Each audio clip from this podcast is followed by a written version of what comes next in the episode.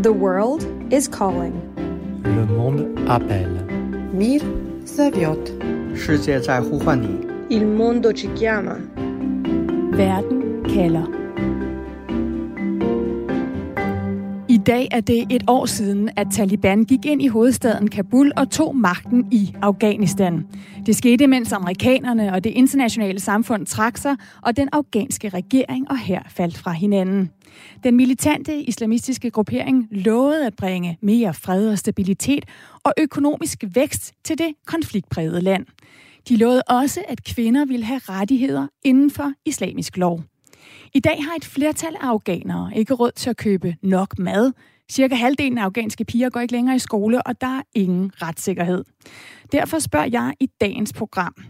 Et år med Taliban, er Afghanistan blevet et værre eller bedre sted for afghanerne? Jeg hedder Stine Krohmann Dragsted. Velkommen til Verden kalder her på Radio 4, hvor du jo også kan være med til at spørge eller komme med kommentarer. Skriv ind til mig på 1424. Mener du for eksempel, at vi bør frygte, hvilke konsekvenser det kan få for os og resten af verden, hvis Afghanistan er ved at falde fra hinanden igen? Og har vi et medansvar for at hjælpe en befolkning i et land som Danmark, og også i USA og andre NATO-lande, når vi har været til stede i landet i 20 år? Skriv din sms ind til 1424.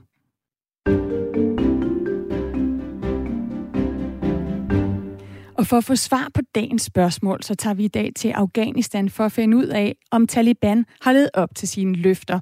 Og en af dem, du skal høre fra, er lægen Azizullah Amir, som siger, at han mener, der er mere sikkert nu i Kabul og mindre korruption i hele Afghanistan.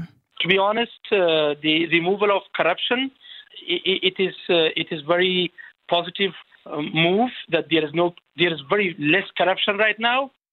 Dr. Amir har startet en skole og et universitet kun for piger og kvinder, og selvom han er glad for, at der endelig er fred i Afghanistan, så advarer han om, at landet vil falde fra hinanden, hvis ikke Taliban giver piger lov til at færdiggøre deres skolegang. Og i lørdags var der andre, der var vrede over, hvordan det står til for kvinder i Afghanistan. 40 kvinder demonstrerede foran uddannelsesministeriet i Kabul med slagordene brød, arbejde og frihed.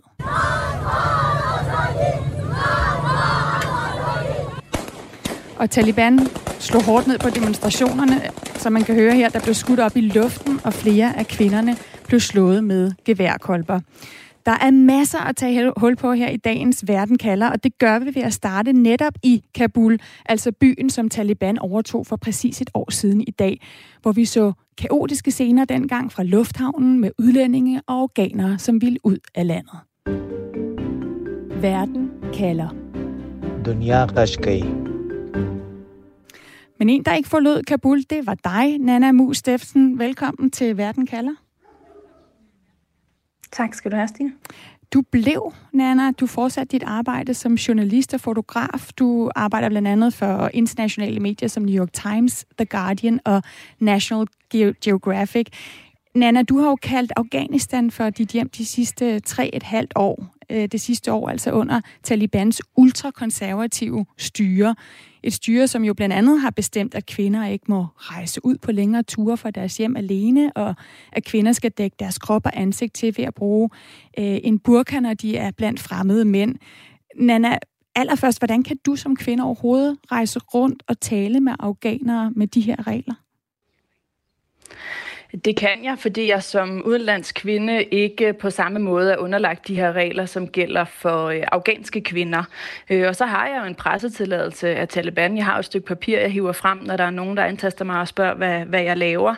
Øh, når det er sagt, så må jeg jo også indordne mig efter deres regler, øh, når jeg får besked på det. For nylig fik jeg at vide af en guvernør, at øh, hvis jeg skulle være i nærheden af ham, så skulle jeg dække mit ansigt til. Øh, og det er jo faktisk loven, øh, så det måtte jeg jo så gøre fordi jeg er her for at udføre et, øh, et stykke arbejde, og det var så det, det krævede for at, at udføre det arbejde. Og du har også fortalt mig, at du engang simpelthen blev nægtet adgang til Indrigsministeriet i Kabul, fordi du kom alene, uden at være ledsaget af en, en nær mandlig slægtning, som man altså skal nu. Nana, kan du ikke fortælle mig, hvad, hvad svarede du, og, og hvordan kom du ind alligevel? Ja, det er jo også et eksempel på, hvordan der sådan er dobbeltstandarder for afghanske kvinder og sådan en udenlandsk journalist som mig, øh, udenlandsk kvinde, at, at, øh, jeg fik ikke lov for at komme ind, fordi jeg ligesom afghanske kvinder øh, blev forventet, at jeg skulle have den her mandlige slægtning med mig. Øh, og jeg øh, satte mig så imod og prøvede at argumentere for, at jeg er udlænding, altså min far og min, øh, min bror og så videre, de er i Danmark. Jeg kan jo ikke slæbe dem med rundt over det hele i Afghanistan, når jeg er på arbejde. Øh, men det fik jeg at vide til, at øh, jamen, det er et nyt Afghanistan nu, og det må jeg øh, indordne mig under. Øh, jeg var så trodsig, jeg blev stående øh, og ventede, og så anede han til sidst ikke, hvad han skulle stille op med mig, og, og lod mig så komme ind, men den var jo ikke gået for en afghansk kvinde. Nej, vi så jo også i lørdags, hvordan nogle af de afghanske kvinder, der, der demonstrerede i Kabul, de jo ikke altså havde særlig meget held med deres forhævne. Mm. De blev mødt med, mødt med, med øh, geværsalver op i luften og, og blev slået. Øhm, afghanske kvinder betaler altså en høj pris for den her fred, der har sænket sig over landet. Nana, forleden besøgte du en kvinde, en mor med flere voksne sønner, som siger, hun er begyndt at sove roligt om natten, fordi hun nu ikke frygter for, at hendes sønner, øhm, at der sker noget ved dem. Altså hun ikke frygter for, deres liv, og det er første gang i mange år, hun har det sådan. Prøv lige at forklare, hvorfor. Det hænger sammen med, at de her 20 års krig, øh, de, de, de splittede jo simpelthen Afghanistan helt ind i øh, familierne, helt ind i stuerne. Og Hafiza, som den her ældre øh, kvinde hedder, hun havde øh, fire voksne sønner, som deltog i krigen. Den ene var med Taliban, og de tre andre var øh, med forskellige grene af de afghanske sikkerhedsstyrker. Så ikke nok med, at hun jo var i mange år øh, bange for, hvad der skulle ske under den her krig, så var hun jo øh, frygteligt øh, øh, bekymret konstant over, om de her sønner sønner øh, skulle komme noget til hver især, om de ovenikøbet skulle komme til at være i krig med hinanden direkte og gøre hinanden øh, fortræd. Så, så da, da, da krigen øh, var på sit, øh, hvad kan man sige, var ved at, at kulminere til sidst, øh, så var hun jo øh, totalt øh, bange og bange for, hvad der skulle ske med de her sønner. Øh, men da så øh, Taliban tog magten, så var hun jo også enormt lettet, fordi at nu var de her sønner ikke længere øh, på frontlinjerne. De kom hjem. Hmm. Og du talte med en af hendes sønner, altså en af dem, der var elitesoldat og kæmpede side om side med amerikanerne, altså for den afghanske her, fordi han, han troede på ideen om frihed og demokrati. Hvordan overlever han i dag i det her religiøse diktatur, kan vi vel godt kalde det, som Taliban har indført? Jamen, han sad jo også, han var faktisk såret, da Taliban kom til den by, hvor han bor, og der sad han jo så og frygtede, at de ville finde ham og slå ham ihjel, simpelthen og tage hævn. Øh, og det skete så ikke. Faktisk så skete der det, at øh, de lå ham være, øh, hvilket slet ikke er, hvad man kan sige for alle af de tidligere afghanske sikkerhedsstyrker. FN er jo blandt andet kommet frem til, at, at Taliban er ansvarlig for en række øh, overgreb og drab på tidligere sikkerhedsstyrker. Men, men han slap altså, og i stedet så fik han en, en familiegenforening, kan man sige. Han mødte sin vandbruger for første gang øh, i tre år. Men, øh, men selvom han er genforenet med broren, så er han jo dybt desillusioneret. Øh, altså han, han kæmpede for noget, han troede på, øh, og, og, og var selvfølgelig rigtig bange og desillusioneret, da, da den her krig sluttede, men som han faktisk også indrømmede, så sagde han, at han var lettet. Han havde været i krig i 15 år. I 15 år havde han været på den der frontlinje mod sin egen bror, og nu kom den her krig egentlig endelig til en afslutning, og et eller andet sted, så var han faktisk glad for, at det nu endte, om det så var på den ene eller den anden måde. Så han er lettet, og hans mor mener, at det har været freden værd, fordi hun nu kan sove roligt om natten. Hendes sønner risikerer ikke at slå hinanden ihjel. Det gør hendes barnebarn ikke, en 15-årig pige, som du også talte med, Nana Mus. Øh, hvordan har et år med Taliban forandret den her 15-årige piges verden og hendes øh, personlighed? Jamen, det har jo forandret hendes, hendes hverdag og sådan set hele hendes øh, fremtid fuldstændig grundlæggende. Hun gik i 10. klasse, da Taliban øh, tog magten for et år siden, og hun har ikke været i skole i en time siden da. Øh, hun sidder derhjemme og passer sine mindre søskende, passer sine fædre og kusiner, øh, og fortalte også ærligt, at, øh, at hun kunne godt fornemme, selvom hun ikke rigtig havde så mange ord for det, men det var som om hun var lidt forandret. Hun fortalte, at hun er ked af det, men faktisk så kom det mest det udtryk i, at hun bliver rasende. Hun sagde, at øh, du ved, hendes mindre søstre, de græder, og så råber hun af dem, og hun, bliver, hun har en utrolig kort lunde. Hun kunne simpelthen mærke den her, det psykiske pres, det, det, det, den pression nærmest, det er at, at være strandet derhjemme, ikke have nogen planer, ikke have nogen fremtidsudsigter. Nana, i programmet i dag, der stiller jeg jo spørgsmålet, efter et år med Taliban, er Afghanistan så blevet et værre eller et bedre sted? Hvis vi nu tager den her familie, som du har talt med som et eksempel, og du har skrevet et, et smukt portræt af dem i magasinet National Geographic, som jeg varmt kan anbefale, så lyder det som om, at svaret er, at nogle afghaner har fået fred, øh, mens at dem, der havde allermest at tabe, de har også tabt det. Hvor, hvor, hvor godt passer det svar på den virkelighed, du øh, har set og oplevet det sidste år i Afghanistan? Jamen, det, det passer meget godt, Stine, som du beskriver det. Øh, når det er sagt, så vil jeg også sige, at nu der er gået et år, øh, og selv dem, som har haft freden og vinde Øh, sådan en som Hafiza, som nu kan sove roligt om natten igen.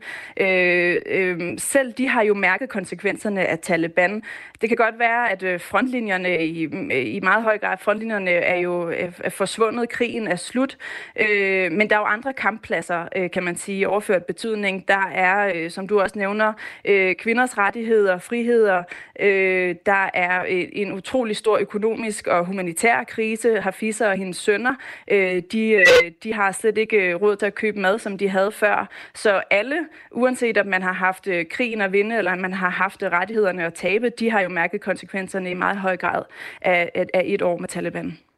Ja, den her familie, hvad, hvad lever de af i dag? Altså nu har de jo brugt 20 år af deres liv, sønnerne, på, på at kæmpe. Hvordan klarer de sig i dag? De her tidligere soldater, de arbejder nu i miner, Øh, det er der flere og flere øh, arbejdsløse mænd, der har begyndt at gøre. De graver simpelthen øh, efter et eller andet. De håber på at finde guld eller diamanter eller et eller andet i undergrunden.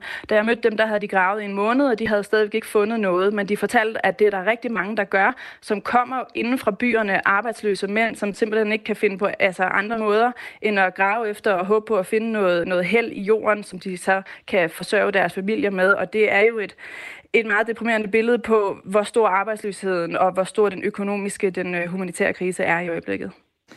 Tak for at være med til at tegne det billede fra Kabul, Nana Mus Steffensen. Selv tak. Altså journalist og fotograf, hvis uh, reportager og billeder du kan finde i blandt andet New York Times og The Guardian og senest også National Geographic.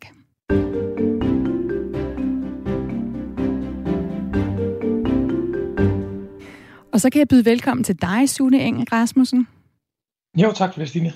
Du er Afghanistan-korrespondent for Wall Street Journal, og du har også tidligere boet i Afghanistan, og det sidste år har du rejst flere gange i, i landet. Og du er med resten af, af programmet i dag, hvor vi jo prøver at undersøge, om Afghanistan står et bedre eller et værre sted efter et år med, med Taliban ved magten. Sune, jeg vil gerne starte med den fred, vi hørte Nana Mus fortælle om, som har forenet den her familie efter to årtiers krig. Er der fred i Afghanistan nu, vil du sige? Og hvad er det for en slags fred?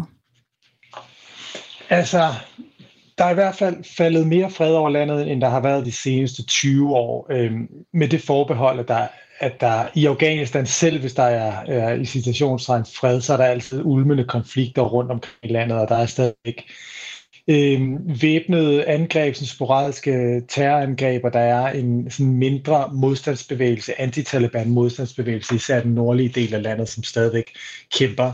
Øh, på den måde ligner landet lidt øh, den situation, som der var i, i 90'erne, hvor den store krig, der ligesom ikke er en, en, en national krig, men, men der er de her små lommer af, af uroligheder. Men, men hvis du er afghaner, og du har, og du har levet de seneste 20 år under den her krig øh, mellem Taliban og en amerikansk ledet koalition og den afghanske regering, så, så er der øh, fred. Det kan man godt sige, ja. Ja, du har talt med, med mange afghanere, der har betalt en høj pris for, at øh, USA og Danmark og andre lande gik ind i Afghanistan og for den krig, der fulgte. For eksempel Habib Rahman, som er en 27-årig mand, som mistede sine forældre, fire søstre, seks brødre i et luftangreb, der skulle have ramt en bro i nærheden af familiens hus en bro, som så Taliban-krigere altså brugte. Og, og der er jo mange civile afghanere, der blev dræbt under krigen de sidste to årtier. Altså netop af, af øh, luftangreb. Øhm, Sune, hvad betyder det for en mand som Habib Rahman og andre, som du har fulgt, at de ikke længere skal frygte den her slags angreb? Ja, ham, øh, Habib, som du nævnte, han bor nede i, i Sangin, nede i, uh, i Helmand-provinsen, hvor, uh, hvor de danske soldater jo tjente. Og, og Sangin var i lang tid en slags en skyggehovedstad for, for Taliban. Øh, men det er også en, en, en sådan lille, ubetydelig by nærmest. Altså, der, der har nærmest ingen, øh, ingen infrastruktur, ingen rindende vand, ingen elektricitet. Det er virkelig langt ud på landet. Men den har været så øh, tæt bombarderet øh, under krigen, og den har været et, sådan et, et der har været så, øh, så farligt og voldeligt i Sangin, at, at jeg for eksempel aldrig nogensinde har været i stand til at rejse der til, at man kunne ikke rejse til Sangin, medmindre man fløj, fløj til helikopter med afghanske eller sikkerhedsstyrker eller, eller udenlandske tropper. Men sidste år, så øh, efter, efter øh, Taliban tog magten, så var jeg i stand til at, at, at simpelthen stige i en taxa i Lashkar i, i Helmands provinshovedstad og køre til Sangin uden overhovedet at møde et uh, checkpoint på vejen og køre direkte ind og, og snakke med civile. Uh, og det er jo en ændring altså, i situationen i Sangin, som, som virkelig påvirker civilbefolkningen og folk, som Habib Rahman, de kan nu rejse øh, langs hovedvejene, uden at være i fare for vejsidebomber, som Taliban laver, uden at der er frontlinjer, der kommer i vejen, og uden, som du nævnte her, at, at øh, blive ramt af luftangreb, som er som er adresseret til Taliban, men som også slår, slår civile ihjel, eller tit slår civile ihjel. Og det betyder teoretisk set, at øh, afghanere kunne få gang i en, en, mere gang i en lokal økonomi, hvor de kunne transportere varer mellem, mellem byerne. De kan besøge familiemedlemmer i andre byer, som de, som de ikke har set i årtier. De kan, de kan besøge dele af deres land øh, og være sådan, øh, turister nærmest, og besøge dele af deres land, som de altid har ville se. Måske det 50 km væk, øh, og, og så kan de nu endelig, endelig rejse til de her steder. Det talte jeg også med mange afghanere, som, som var glade for, at de, at de endelig kunne. Problemet er jo så selvfølgelig, at, at økonomien er fuldstændig, som jeg ved, vi skal tale om det senere, at økonomien er fuldstændig, øh, nærmest, der er ingen økonomi, øh, nævneværdig økonomi mm. i Afghanistan, og den humanitære lidelse er så, er så stor og så dyb, at, at de her ting, de, de træder lidt i baggrunden. Men for sådan en, en mand som Habib Rahman, der betyder det, at han nu kan kan, kan leve et mere eller mindre fredeligt liv og ikke behøver at, at bekymre sig om at, at, at, at komme til skade i en krig, som han ikke, ikke øh, selv var en del af. Så han og andre har fået en form for frihed igen, altså de kan bevæge sig så frit, og så er der så, som vi også skal vende, både den her humanitære øh, krise, øh, som gør, at det kan være, at man godt kan bevæge sig frit, men man må, måske ikke har, har mad at putte på bordet, og halvdelen af Afghanistans befolkning, piger og kvinder, de har jo så også mistet deres frihed. Det skal vi også øh, vende tilbage til. Men Sune, lad mig lige her, når vi taler fred og stabilitet, vende et andet afgørende spørgsmål med dig, nemlig om Taliban huser terrorister. Altså i starten af august, der henrettede amerikanerne jo en al-Qaida-topleder, sagde de. Han blev ramt af, af missiler, da han gik ud på sin balk- balkon i Kabul. Betyder det, Sune, at Taliban stadig holder hånden over terrorledere? Det vil amerikanerne argumentere for. Der, der er sådan en vigtig øh, nuance her. Øh, og mens, øh, som, som lytterne sikkert kan huske, så før Taliban tog magten i, i Kabul, så lå de i i øh, forhandlinger med amerikanerne om en, en, øh, en afslutning på krigen. Og, og de var meget påpasselige med den måde, de, de formulerede den her, øh, det her krav fra amerikanerne om, at, at de ikke skulle huse terrorister. Og Taliban forpligtede sig til, at de ikke ville, øh, ville tillade internationale terrorister at planlægge angreb på amerikansk jord fra Afghanistan. Øhm, så hvis man er talibaner, så vil man sige, at, at bare fordi al-Qaida-lederen øh, Ahmad al-Zawahiri var i Kabul, det betyder ikke, at han, øh, at han, havde, øh, at han var i færd med at planlægge angreb på vestlig jord. Og det, og det siger amerikanerne også. De havde ikke nogen efterretning om, at han var i gang med at planlægge angreb på, på USA, eller at al-Qaida for den sags skyld var. Øhm, men omvendt kan man sige, at, at øh, uh, Taliban har også i hvert fald gennem årene sagt, at de ikke havde tætte forbindelser med al-Qaida længere. Det har vi som journalister altid vidst, at de, de havde. Det var ikke uh, så svært at påvise, at FN har også, uh, har også dokumenteret, at der var uh, flere hundrede al-Qaida-krigere i Afghanistan under, uh, tal, under, i, i områder som under Talibans kontrol. Og, uh, og, og det her, hvad kan man sige, øh, den her påstand fra Taliban om, at de havde, at de havde kappet båndene til al-Qaida, de er i hvert fald tydeligvis ikke sande, fordi, fordi Zawahiri boede i et hus i midten af Kabul, i sådan ret fancy, øh, i hvert fald et afghanske standarder kvarter i midten af Kabul, øh, et par hundrede meter fra den danske ambassade faktisk. Mm. Øhm, så, og det er også noget, der gør det sværere for, for Taliban nu, når de prøver at overbevise det internationale samfund om, at de skal øh, normalisere forholdene til Afghanistan, at de skal, øh, at de skal give flere penge til Afghanistan, som også går gennem regeringsapparatet, så det også styrker Taliban og, og, ligesom, og hjælper dem til at, at bygge en, en, en mere robust regering. Det krav bliver sværere for Taliban nu, fordi de netop havde al-Qaida-lederen øh, siddende i midten af, midten af hovedstaden. Godt, lad os lige prøve at vende os netop mod hvordan det står til med økonomien i Afghanistan.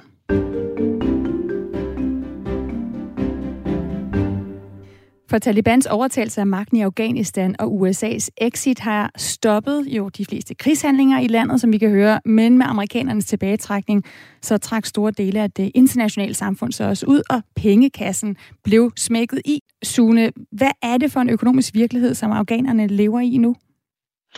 Det er en dyb, dyb humanitær krise. Der er ingen, øh, der er ingen sådan nævneværdig økonomisk aktivitet i Afghanistan. Og en del af grunden til det, en stor del af grunden til det, er jo, at, at Afghanistan selv før sidste år var en, en form for klientstat. Altså, det var en, en, en stat, som var meget, meget afhængig af international øh, bistand. Halvdelen af økonomien øh, kom fra, og mere end halvdelen af økonomien kom fra, øh, fra, øh, fra udenlandske bistandsmidler.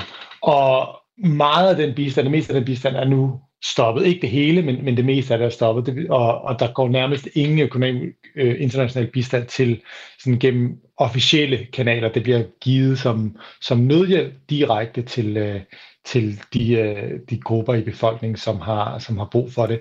Og det betyder, at regeringsapparatet fuldstændig øh, står og visner, og det betyder, at, at regeringen ikke er i stand til at give nogen som helst sociale ydelser, og, og øh, afghanerne lever nu øh, øh, ja, øh, World Food Program, FN's, øh, FN's organisation World Food Program, siger, at de brødføder halvdelen af den afghanske befolkning, hvilket er et historisk højt tal, selv i et land, der er så fattigt som Afghanistan. Øh, så mange afghanere lever simpelthen dag til dag, uge til uge på, øh, på det, øh, det, de får, får øh, doneret udefra. Og det er både et uværdigt liv, kan man sige, men det er også et liv, som, som, øh, som indpoder en frygt i organerne for, øh, for, hvordan fremtiden kommer til at se ud. Fordi hvis de ikke har udsigt til at få arbejde, hvis de ikke har udsigt til, at tingene på nogen måde bliver bedre, og vinteren er på vej om et par måneder, og vinteren i Afghanistan er ret hård, fordi øh, det bliver meget koldt, og folk har ikke råd til at varme deres øh, hjem op. Øhm, og, og det gør, at der både er en, en hvad kan man sige, dyb sådan depression og dyb angst i, i befolkningen, men også at der måske kan blive simrende uro. Hvem bebrejder afghanerne, dem du har talt med? Altså en af dem, vi skal høre fra lige om lidt, han, han siger jo netop det her med, at den økonomiske krise har spredt sig i hele landet, øh, og at alle de der penge, der blev pumpet ind de sidste 20 år, de er blevet med et blevet stoppet, og derfor så bebrejder han faktisk det internationale samfund. Hvor meget ansvar, Sune Engel, mener du, at Taliban-styret bære for de her, øh, altså den her enorme krise, som Afghanistan står i nu? Ja, Ja, det er et svært spørgsmål at, at svare på sådan rigtig hurtigt, men det, men det er rigtigt, at, at øh, det internationale samfund har et del af ansvaret i den forstand, at USA indefrøs øh, Afghanistans økonomiske midler, som var i, i banker i både USA og, og andre udenlandske banker, efter Taliban tog magten. Så Afghanistan har ingen udenlandsk valuta, fordi den simpelthen er indefrosset øh, i udenlandske banker, og, øh, og Taliban-regimet er under, under sanktioner. Øh, så kan man diskutere, hvorvidt det er Talibans skyld eller det internationale samfunds skyld, fordi der er også en, selvfølgelig amerikanerne vil sige, at der er en grund til, at de indefryser de her midler, og de ikke, øh, og de ikke kan give øh, milliarder af dollars til en organisation, som førte væbnet krig mod dem i, i 20 år. Og, øh, og man kan også, argumentet vil også lyde, at, at tal, hvis Taliban åbner op og laver en, en repræsentativ regering, tillader valg og prøver at indføre demokrati i Afghanistan, jamen så vil de her midler blive, øh, blive øh, frigivet til Afghanistan igen. Øh, for afghanerne, jeg taler med dem, der er mange, der, der bebrejder amerikanerne for at simpelthen at stjæle, det, det, siger de, at stjæle øh, Afghanistans penge, fordi de ikke tilhører Taliban, men de tilhører den organ, det afghanske folk. Øh, så der er sådan en, hvad kan man sige, en blandet, øh, mm. der, der er blandet følelse om, hvem der egentlig øh, bærer ansvar for det her. The world is calling. Le monde appelle. Mir zaviot. 世界在呼唤你. Il mondo ci chiama. Verden kalder. Fred er jo ikke lige med frihed. Mange afghanere glemte at støtte Vesten, som prøvede at hjælpe dem til fred, frihed og demokrati. Nu har de diktatur og fred. Men friheden er væk. Jeg synes ikke, at et liv er noget værd, hvis der ikke er mulighed for at tale frit, og alle er lige. Det har Daniel skrevet ind til mig på sms'en på 1424, og det har Daniel, fordi jeg her i Verden kalder i dag spørger, efter et år med Taliban, er Afghanistan et værre eller et bedre sted for afghanerne? Du må meget gerne skrive ind til mig på 1424, og for eksempel fortælle, om du synes, det er noget, som vi bør gå op i her i Danmark, efter vi har jo 20 år har været involveret i det her land sammen med USA, sammen med NATO-partnere. Hans Julved fra Hillerød skriver, jeg synes heller, vi skal spørge os selv, hvorfor det overhovedet skal være vores ansvar, hvordan et, øh, et andet land ledes. Vi ved alligevel ikke, hvad det handler om for dem. Og Hans, lige om lidt skal vi høre fra en, der fortæller, hvorfor han mener, at det netop er noget, vi bør bekymre os om i resten af verden, hvordan det går i Afghanistan. Men først vil jeg gerne lige spørge dig, Sule Engel Rasmussen, som jeg også har med i denne halve time. Du er Afghanistan-korrespondent for Wall Street Journal. Jeg vil gerne zoome ind på det her med afghanske piger og kvinders rettigheder, når vi spørger om Afghanistan er et værre eller bedre sted for afghanerne. Vi hørte jo lidt tidligere Sune Nana Mus i Kabul fortælle, at Talibans nye regler om, at kvinder ikke må bevæge sig frit og alene, øh, at de skal dække sig til. Øhm, og så er der jo det her afgørende spørgsmål om pigers adgang til skole. Det er jo altså, som du selv nævnte, noget af det, som mm. USA siger. Piger skal have lov til at gå i skole, hvis Taliban skal gøre sig håb om at se nogle af landets indefrostede midler. Går piger i skole i dag i Afghanistan? Piger indtil 6. klasse kan gå i skole, og så øh, kan kvinder også gå på universitetet. Øh, I hvert fald officielt. Jeg ved, der er øh, flere universiteter, som, som har svært ved at, og, og, og, og lade piger gå i skole. Øhm, det her forbud mod piger gå i skole drejer sig om, om piger fra, fra 6. klasse og op, og det betyder selvfølgelig, at med tiden, så vil der heller ikke være nogen piger, der så kan gå på universitetet. Øhm, så det facto bliver det et eller andet sted et forbud? Har sagt, Ja, altså Taliban vil sige, at der ikke er forbud. Øh, de har bare endnu ikke fået lov, men, men, i, men det er et de facto forbud. Og det var det samme i 90'erne. Der, der, der nedlagde Taliban heller aldrig et officielt forbud mod at piger gå i skole. De gav bare lidt lov, og de sagde altid, at, at de ventede på, at de rette omstændigheder var på plads. Og det er det samme, de siger nu. Øh, så indtil, indtil den tilladelse officielt kommer, så må vi sige, at der er et de facto forbud her. Godt, lad os tage til en af de skoler i Afghanistan, der lige nu forsøger at navigere i den her nye virkelighed under Taliban. Verden kalder. Dunya for i hovedstaden Kabul har dr. Azizullah Amir grundlagt en skole og et universitet kun for piger og kvinder. Ikke fordi han mener, at piger og drenge eller mænd og kvinder bør undervises adskilt, men fordi han som barn oplevede, hvor galt det kan gå, hvis man nægter at tage hensyn til det dybt religiøse og konservative livssyn, som, som mange afghanere har i landet. Dr. Amirs egen mor, hun betalte med sit eget liv, fordi hun nægtede at se en mandlig læge. She had a very mild skin infection, and the skin infection was on her thigh, and she didn't want to show it to a male doctor. And then there wasn't a female doctor. Uh, after 20 days, the infection went into the bloodstream, and she went into the coma, and then she was transferred to hospital. And after one night, the dead body was brought back home. Hmm. I'm so sorry. And how old were you? Were you a child? I was nine. Ja, Amirs mor døde altså af en hudinfektion, som havde været let at behandle, da han var ni år gammel. Og det tragiske tab af hans mor betød, at Amir besluttede sig for at blive læge. Hans vision var at lave et hospital kun for kvinder.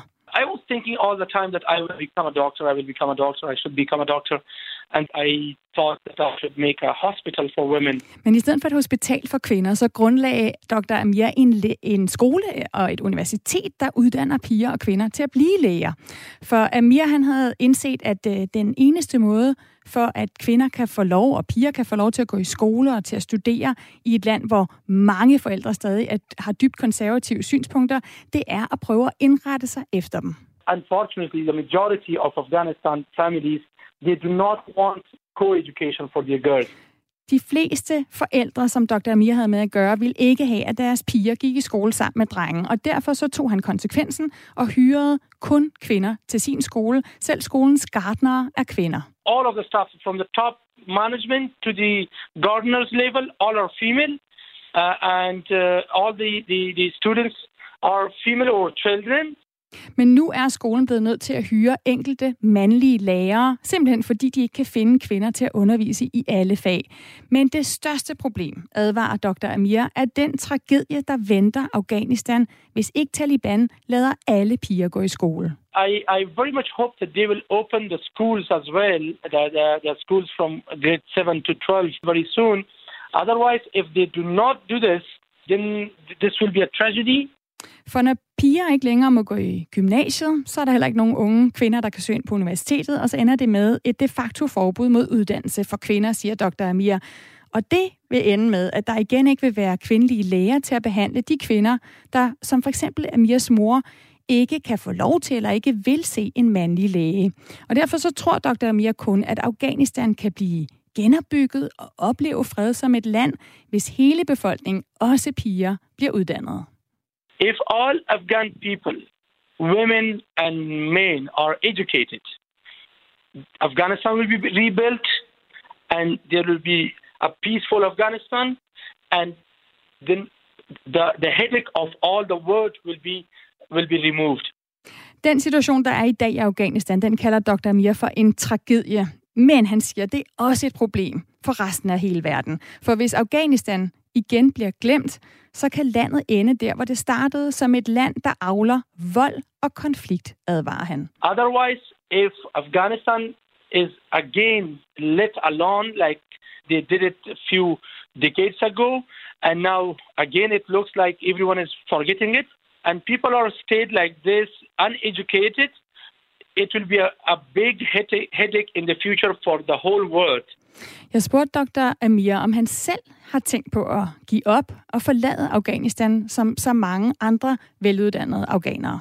I, I, I will stay here as long as I can, and I will continue to support and uh, serve my people, my nation, to the best of my ability. So Ja, dr. Amir han bliver altså så lang tid, som det er muligt. For midt i håbløsheden, så har han nemlig opnået en lille sejr. My daughters will be educated in my university, hopefully. My, my, my first daughter is now uh, in the last year of her uh, uh MD.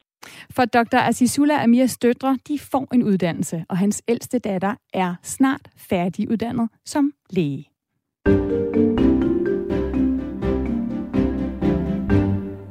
Sune Engel Rasmussen, Afghanistan-korrespondent hos Wall Street Journal. Azizullah Amir, som du hører her, han mener altså, at Afghanistans fremtid afhænger af, at piger og kvinder får ret til skolegang og får ret til uddannelse.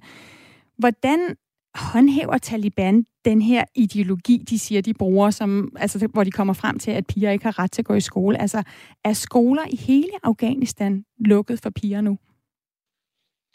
Øh, ja, det er de. Altså, der er øh, nogle, nogle af de her skoler er, er blandet ved, ved alderstrin, så de er åbne for, for piger, som er som går som er under 6. klasse, som vi nævnte, altså under 12 år. Øh, og andre er, er simpelthen bare fuldstændig øh, lukket, fordi, øh, fordi, fordi det, det er ret nemt at, at sådan håndhæve de her forbud. Det var at fortælle lærerne, at de ikke skal komme på arbejde. Der er øh, en del øh, hemmelige skoler, sådan undergrundsskoler rundt omkring i landet, i både i Kabul og i Kandahar, som er en anden stor by rundt omkring. Så der, der er skoler, hvor folk ligesom prøver hemmeligt at give, øh, at give piger uddannelse. Øh, men det er selvfølgelig ikke en, en holdbar løsning, fordi man heller ikke får nogen sådan officiel uddannelse og ikke kan komme på universitetet senere, og, og det er også svært at lære under de vilkår. Men ja, skoler for piger er, er lukket der. Og hvad med, med kvindelige læger og sygeplejersker, som allerede er uddannet? Nu hørte vi her, at uh, Dr. Amirs uh, datter, uh, det ældste datter, hun bliver altså færdiguddannet i år. Vil hun få lov til at arbejde? Ja, umiddelbart så, så, giver, så har Taliban givet lov til, at, at kvinder kan arbejde i, en, i nogle forskellige erhverv, heriblandt som læger og, og sygeplejersker, øh, simpelthen for at holde, øh, holde gang i sundhedssystemet. Og Taliban er også den opfattelse, at, at øh, kvinder skal behandles af kvindelige læger, øh, og de vil gerne selv have deres søstre og, og mødre øh, og døtre bliver, bliver behandlet af kvindelige læger, så man er nødt til på den måde at holde, fat i, øh, holde fast i det kvindelige sundhedspersonale. Men, men så er det jo lidt svært at forstå, hvis man gerne vil holde fast i det, og samtidig ikke vil uddanne øh, piger, og vi, vi hører også fra, fra talsmanden for eksempel for Uddannelsesministeriet her i starten af august øh, i, i øh, Afghanistan sige til øh, avisen The Guardian, at det her forbud mod pigers uddannelse, det er kun midlertidigt. Altså, Sune, er der enighed inden for Talibans rækker om, hvilke rettigheder piger og kvinder skal have? Nej, der er et ret meget splittelse internt i Taliban, øh, og, og, og i mit arbejde har jeg fundet dybe splittelser øh, blandt, øh, blandt Taliban, eller i Taliban-bevægelsen.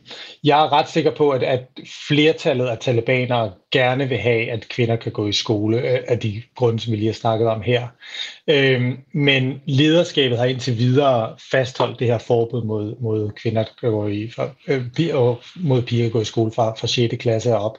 Øh, og det har faktisk været en overraskelse for mange talibaner også, øh, som troede, at det her forbud det ville blive ophævet i foråret, øh, hvor der var et stort møde i Kandahar, hvor, hvor lederskabet kom sammen, og hvor, øh, hvor den øverste leder øh, sagde, at, at omstændighederne for, at piger kunne gå i skole, stadig ikke var på plads. Og når de siger til The Guardian og til andre medier, at det her forbud er midlertidigt, så altså skal man se det der lys, at det, de mener, at at omstændighederne for, at piger går i skole, lige nu er på plads, men det kan være, at det, men, men de arbejder på at få det på plads. Ja, hvis du kigger tilbage på den historik, som Taliban også har, som du nævnte før, hvor sandsynligt tror du, det er, at øh, piger får lov til at gå i skole igen? Jamen altså den bedste måde at gætte på, på, på, hvad på fremtiden bringer, det må være at kigge på folks øh, øh, folks handlinger i fortiden. Og, øh, og Taliban sagde det samme i 90'erne, at, at de ventede på, at de rigtige omstændigheder var på plads, før kvinder kunne gå i skole. Og, øh, og det skete aldrig, at de var ved magten i, øh, i øh, over fem år. Så øh, det, hvis, hvis fortiden den har noget at lære, så må det være, at, øh, at det kommer ikke til at ske, medmindre der er pres. Der er også, der er også en, en, en vigtig øh, sådan en vigtig nuance her, og et dilemma for Vesten, øh, som i 90'erne, der var diskussion i sådan, blandt, blandt vestlige donorer om, hvor, hvor hårdt man skulle presse Taliban på det her område. Og der er faktisk talibanere, og også, også vesterlændinge, som har, har, har, har stor erfaring med at, med at forhandle med Taliban. Øh, øh, som siger, at, at hvis man presser Taliban for meget på det her område, så kan det også give bagslag, fordi hvis Taliban de så lige pludselig øh, vil give efter, eller de reformistiske kræfter i Taliban, som gerne vil åbne for, for, for, piger, for piger at gå i skole, de er bange for at blive set som om, at de, at de fitter for Vesten, eller de, eller de giver efter for vestlig pres, hvis de, så, øh, hvis de så reformerer. Og på den måde er der, derfor er der, er der mange, der mener, at man måske skal presse Taliban lidt mindre, så Taliban sådan af sin egen fri vilje øh, kan, kan åbne for at piger gå i skole, uden at det bliver set som, at de giver efter for vestlig pres, for det kan være ret svært at sælge indad til, det kan komme til at se ret kontroversielt ud. Så det er også et dilemma, som, som jeg ved, at Vesten slås med i øjeblikket. Og så kan man jo så spørge, hvor tvivlsomt det, altså, det er tvivlsomt, om der så overhovedet vil være det pres, om de vil komme igennem med det, som du også siger. Det, det har vi set før, at, at det ikke er sket fra ja, Talibans side. side dilemmaet øhm, lad mig lige vende til en sidste side af det her med kvinders rettigheder, når vi lige fokuserer på det med skoler og uddannelse, fordi dr. Asisula Amir, som vi lige hørte fra, som altså den her læge, der har grundlagt et universitet for kvinder, han siger, en ting er det med, om de har lov til at gå i skolepigerne, men det største problem lige nu, det er, at deres familier ikke længere har penge til at investere i dem, altså i pigerne. So they invest in boys compared to girls. Uh, so unfortunately, girls do not have the financial support to continue their education. That is the biggest, biggest, biggest challenge. Lige nu der har Dr. Amir hele 700 piger, som har ansøgt om at starte på hans skole, og som altså har lov til at starte, fordi de er i de små klasser, men han tror ikke, det vil lykkes at få bare en enkelt klasse på 25 i gang, fordi de mangler penge til at betale for skolen. This is the biggest challenge is that all these 700 students who have uh, applied, all of them are asking for scholarships. They do not have money to pay. So I don't, I'm not confident that we will be able to start even one class of 25 students if there is no scholarships for them because they, none of them are ready to pay full, full fees. Så Sune, når vi taler om piger og kvinders rettigheder lige nu under Taliban, hvor meget handler det så om, at piger og kvinder simpelthen er mindre værd i Talibans Afghanistan? Øh, det vil Taliban ikke sige. Taliban vil sige, at, at, at piger og kvinder skal beskyttes, og, og, og de er kernen af æren i den afghanske familie og i det afghanske samfund. Men, øh, men øh, hvis du sådan kører op i kroner og øre, ja, så er det klart, at så er kvinder mindre værd, fordi de ikke kan brødføde familie, fordi de ikke kan arbejde på samme måde. På den måde giver det, giver det mening, hvad din kilde her siger, at, at øh, hvis man skal vælge, hvem man investerer i, og man ikke har så mange penge i familien, så investerer man i, i øh, sønnerne, fordi de har bedre mulighed for at fremtiden at få, at få arbejde. og, det, så er der, og der er selvfølgelig en, en stor risiko her for, at hvis det her det kommer til at fortsætte i mange år fremover, altså får man et samfund, hvor Øh, hvor kvindeuddannelse er totalt udhulet, og, og øh, kvinderne er sådan underbemidlet i samfundet og har sværere ved at, at, øh, at få lige rettigheder og lige muligheder, simpelthen fordi de ikke har uddannelser, der ikke er blevet investeret i dem. Og det var det, man så øh, under Taliban-regimet i 90'erne, og det var ligesom det land, som, som det nye Afghanistan, kan man sige, overtog efter 2001, og hvor der, altså til trods for alle de fejltagelser, der er blevet begået over de seneste 20 år, så har man øh, trods alt fået givet afghanske kvinder nogle muligheder, som de aldrig tidligere har haft i landet. Og det er der en, det er der en meget øh, reel risiko for, at nu bliver totalt eroderet. Og en risiko, som øh, Taliban også er opmærksom på, hvor der altså er noget u- intern uenighed. Lad os prøve at kigge på, hvor samlet Taliban overhovedet står, og om de er i stand til at holde sammen på Afghanistan.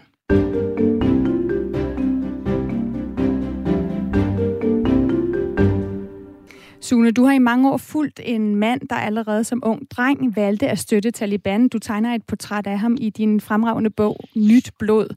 Hvad siger han, når du taler med ham i dag? Har han fået det land, han kæmpede for? Jamen, Omari, som han hedder, han, øh, han, han sluttede sig til Taliban-bevægelsen, da han var 14 år gammel, og, og har kæmpet lige siden, som du siger. Øh, og er nu, nu skal jeg lige regne, 26, tror jeg, han er nu. Øh, og han er jo på den vindende side i krigen kan man sige. Jeg har mødtes med ham et par gange her over det seneste år. Da jeg startede med at mødes med ham øh, for, for syv år siden, der mødtes vi i hemmelighed i hans, i hans hjemdistrikt i Wardak-provinsen, som, som var under Talibans kontrol, og, eller en del af provinsen i hvert fald. Øh, og nu mødes vi øh, i Kabul øh, på kebabrestauranter og, og, og sidder i det åbne, eller sidder i fri og, og taler. Og hans Øh, man, på den ene side, så kan man sige, nu har han fået det Afghanistan, han gerne vil have. Han har fået det islamiske emirat, og han har fået amerikanerne ud, og det var ligesom hans primære grund til at kæmpe, det var, at han ville have den her besættelsesmagt, den amerikanske besættelsesmagt, ud af landet. Men på den anden side, så har han også nu, øhm, han kan godt se problemerne i Afghanistan, og han er meget kritisk faktisk over for Taliban-regeringen. Han er stadig en del af bevægelsen, og han har ikke tænkt sig at forlade den, men han har også været ved at brødføde sin familie, og han har han har kæmpet den her hellige krig i over et årti, og han kan ikke få arbejde, han får ikke nogen løn. Øh, han er også afhængig af, af velgørenhed fra naboer og fra internationale organisationer øh, for at overhovedet kunne brødføde sin familie, og det er jo meget frustrerende for ham, kan man sige. Øh, mm. Især fordi han faktisk var sådan ret øh, man er ikke en højtstående kommandant, men, men offrede meget for bevægelsen. Ikke? Og det er en utilfredshed, man ser mange steder i Taliban-bevægelsen. Ja, du har talt med en Taliban-kriger, som har vendt Taliban-ryggen i vrede over, at det netop står så skidt til. Er det et problemzone for Taliban, hvis de mister opbakning blandt deres øh, altså lavere rangerende folk, deres fodsoldater? Ja, det er svært sådan at rigtigt at sætte tal på, hvor, hvor mange, der har forladt Taliban-bevægelsen, og vi har endnu ikke set øh, sådan store, en stor tendens til, at folk de vender Taliban ryggen og vender våbnene mod Taliban. Men det er klart, at øh, Afghanistan er et land der med årtiers historie, øh, der, gennem, der gennem årtier har haft øh, borgerkrig og forskellige sådan, interne øh, stridigheder, meget tit bevæbnede stridigheder, og der er ingen tvivl om, at hvis, hvis Taliban ikke formår at og, øh, og tilfredsstille deres støtter, øh, så er der en risiko for, at, at, øh, at der vil være udbrydergrupper, som, som vil føre væbnet krig mod dem. Der, vil være, der kan, altså, borgerkrig er også en reel mulighed i Afghanistan, tror jeg, hvis det her det fortsætter. Øhm, indtil videre har vi ikke set sådan, de helt store tegn på det her. Øh, Taliban regerer også med frygt i Afghanistan, så der er mange, der er bange for at, at, at vende dem ryggen, og der er mange, der er bange for at overhovedet tale med udenlandske journalister, fordi at, at Taliban er paranoid over, over spioner og sådan nogle ting. Men, øh, men hvis den her utilfredshed stiger, så tror jeg, at Taliban har et, et stort problem her. Ja, en ting er at, at vinde, noget andet er det med at regere. Det har vi set mange gange, at det er meget sværere. Og du har også fortalt, Sune, om de her interne uenigheder inden for Taliban, blandt andet om det her med piger, om de har ret til, skal have ret til at gå i skole. Er det i virkeligheden øh, sådan kerneudfordringen nu, at, at der er uenighed om, hvordan de skal styre landet ud fra islamisk lov, altså sharia? Jeg tror, kerneproblemet er, er økonomien. Øhm, jeg tror, øh, ideologiske skænderier er vigtige, og, og de her uenigheder om, hvordan man skal fortolke islam, er vigtige. Det er ikke nødvendigvis noget, der vil splitte bevægelsen, så den ikke kan, så den ikke kan samles, eller så den, så den vælter. Problemet er primært økonomien, for hvis folk ikke kan brødføde deres familier, øh, så bliver de desperate, og, og, og det er ligesom den første bekymring for, for øh, organer, ligesom det vil være alle andre steder.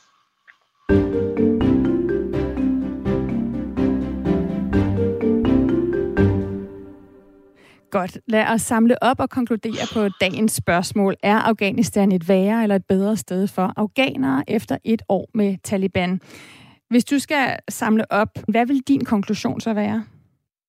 Ja, om det er et bedre eller værre steder for afghanere, det kommer an på, med lidt sådan irriterende journalistsvar, så vil jeg sige, det kommer an på, hvem du spørger selvfølgelig. Øhm, hvis du spørger øh, folk i landdistrikterne, som hvis, øh, hvis onkler og brødre blev hævet til Guantanamo eller forskellige black sites, øh, CIA black sites rundt omkring i Afghanistan og tortureret uden rettergang, så vil de sikkert sige, at, at det er bedre i dag.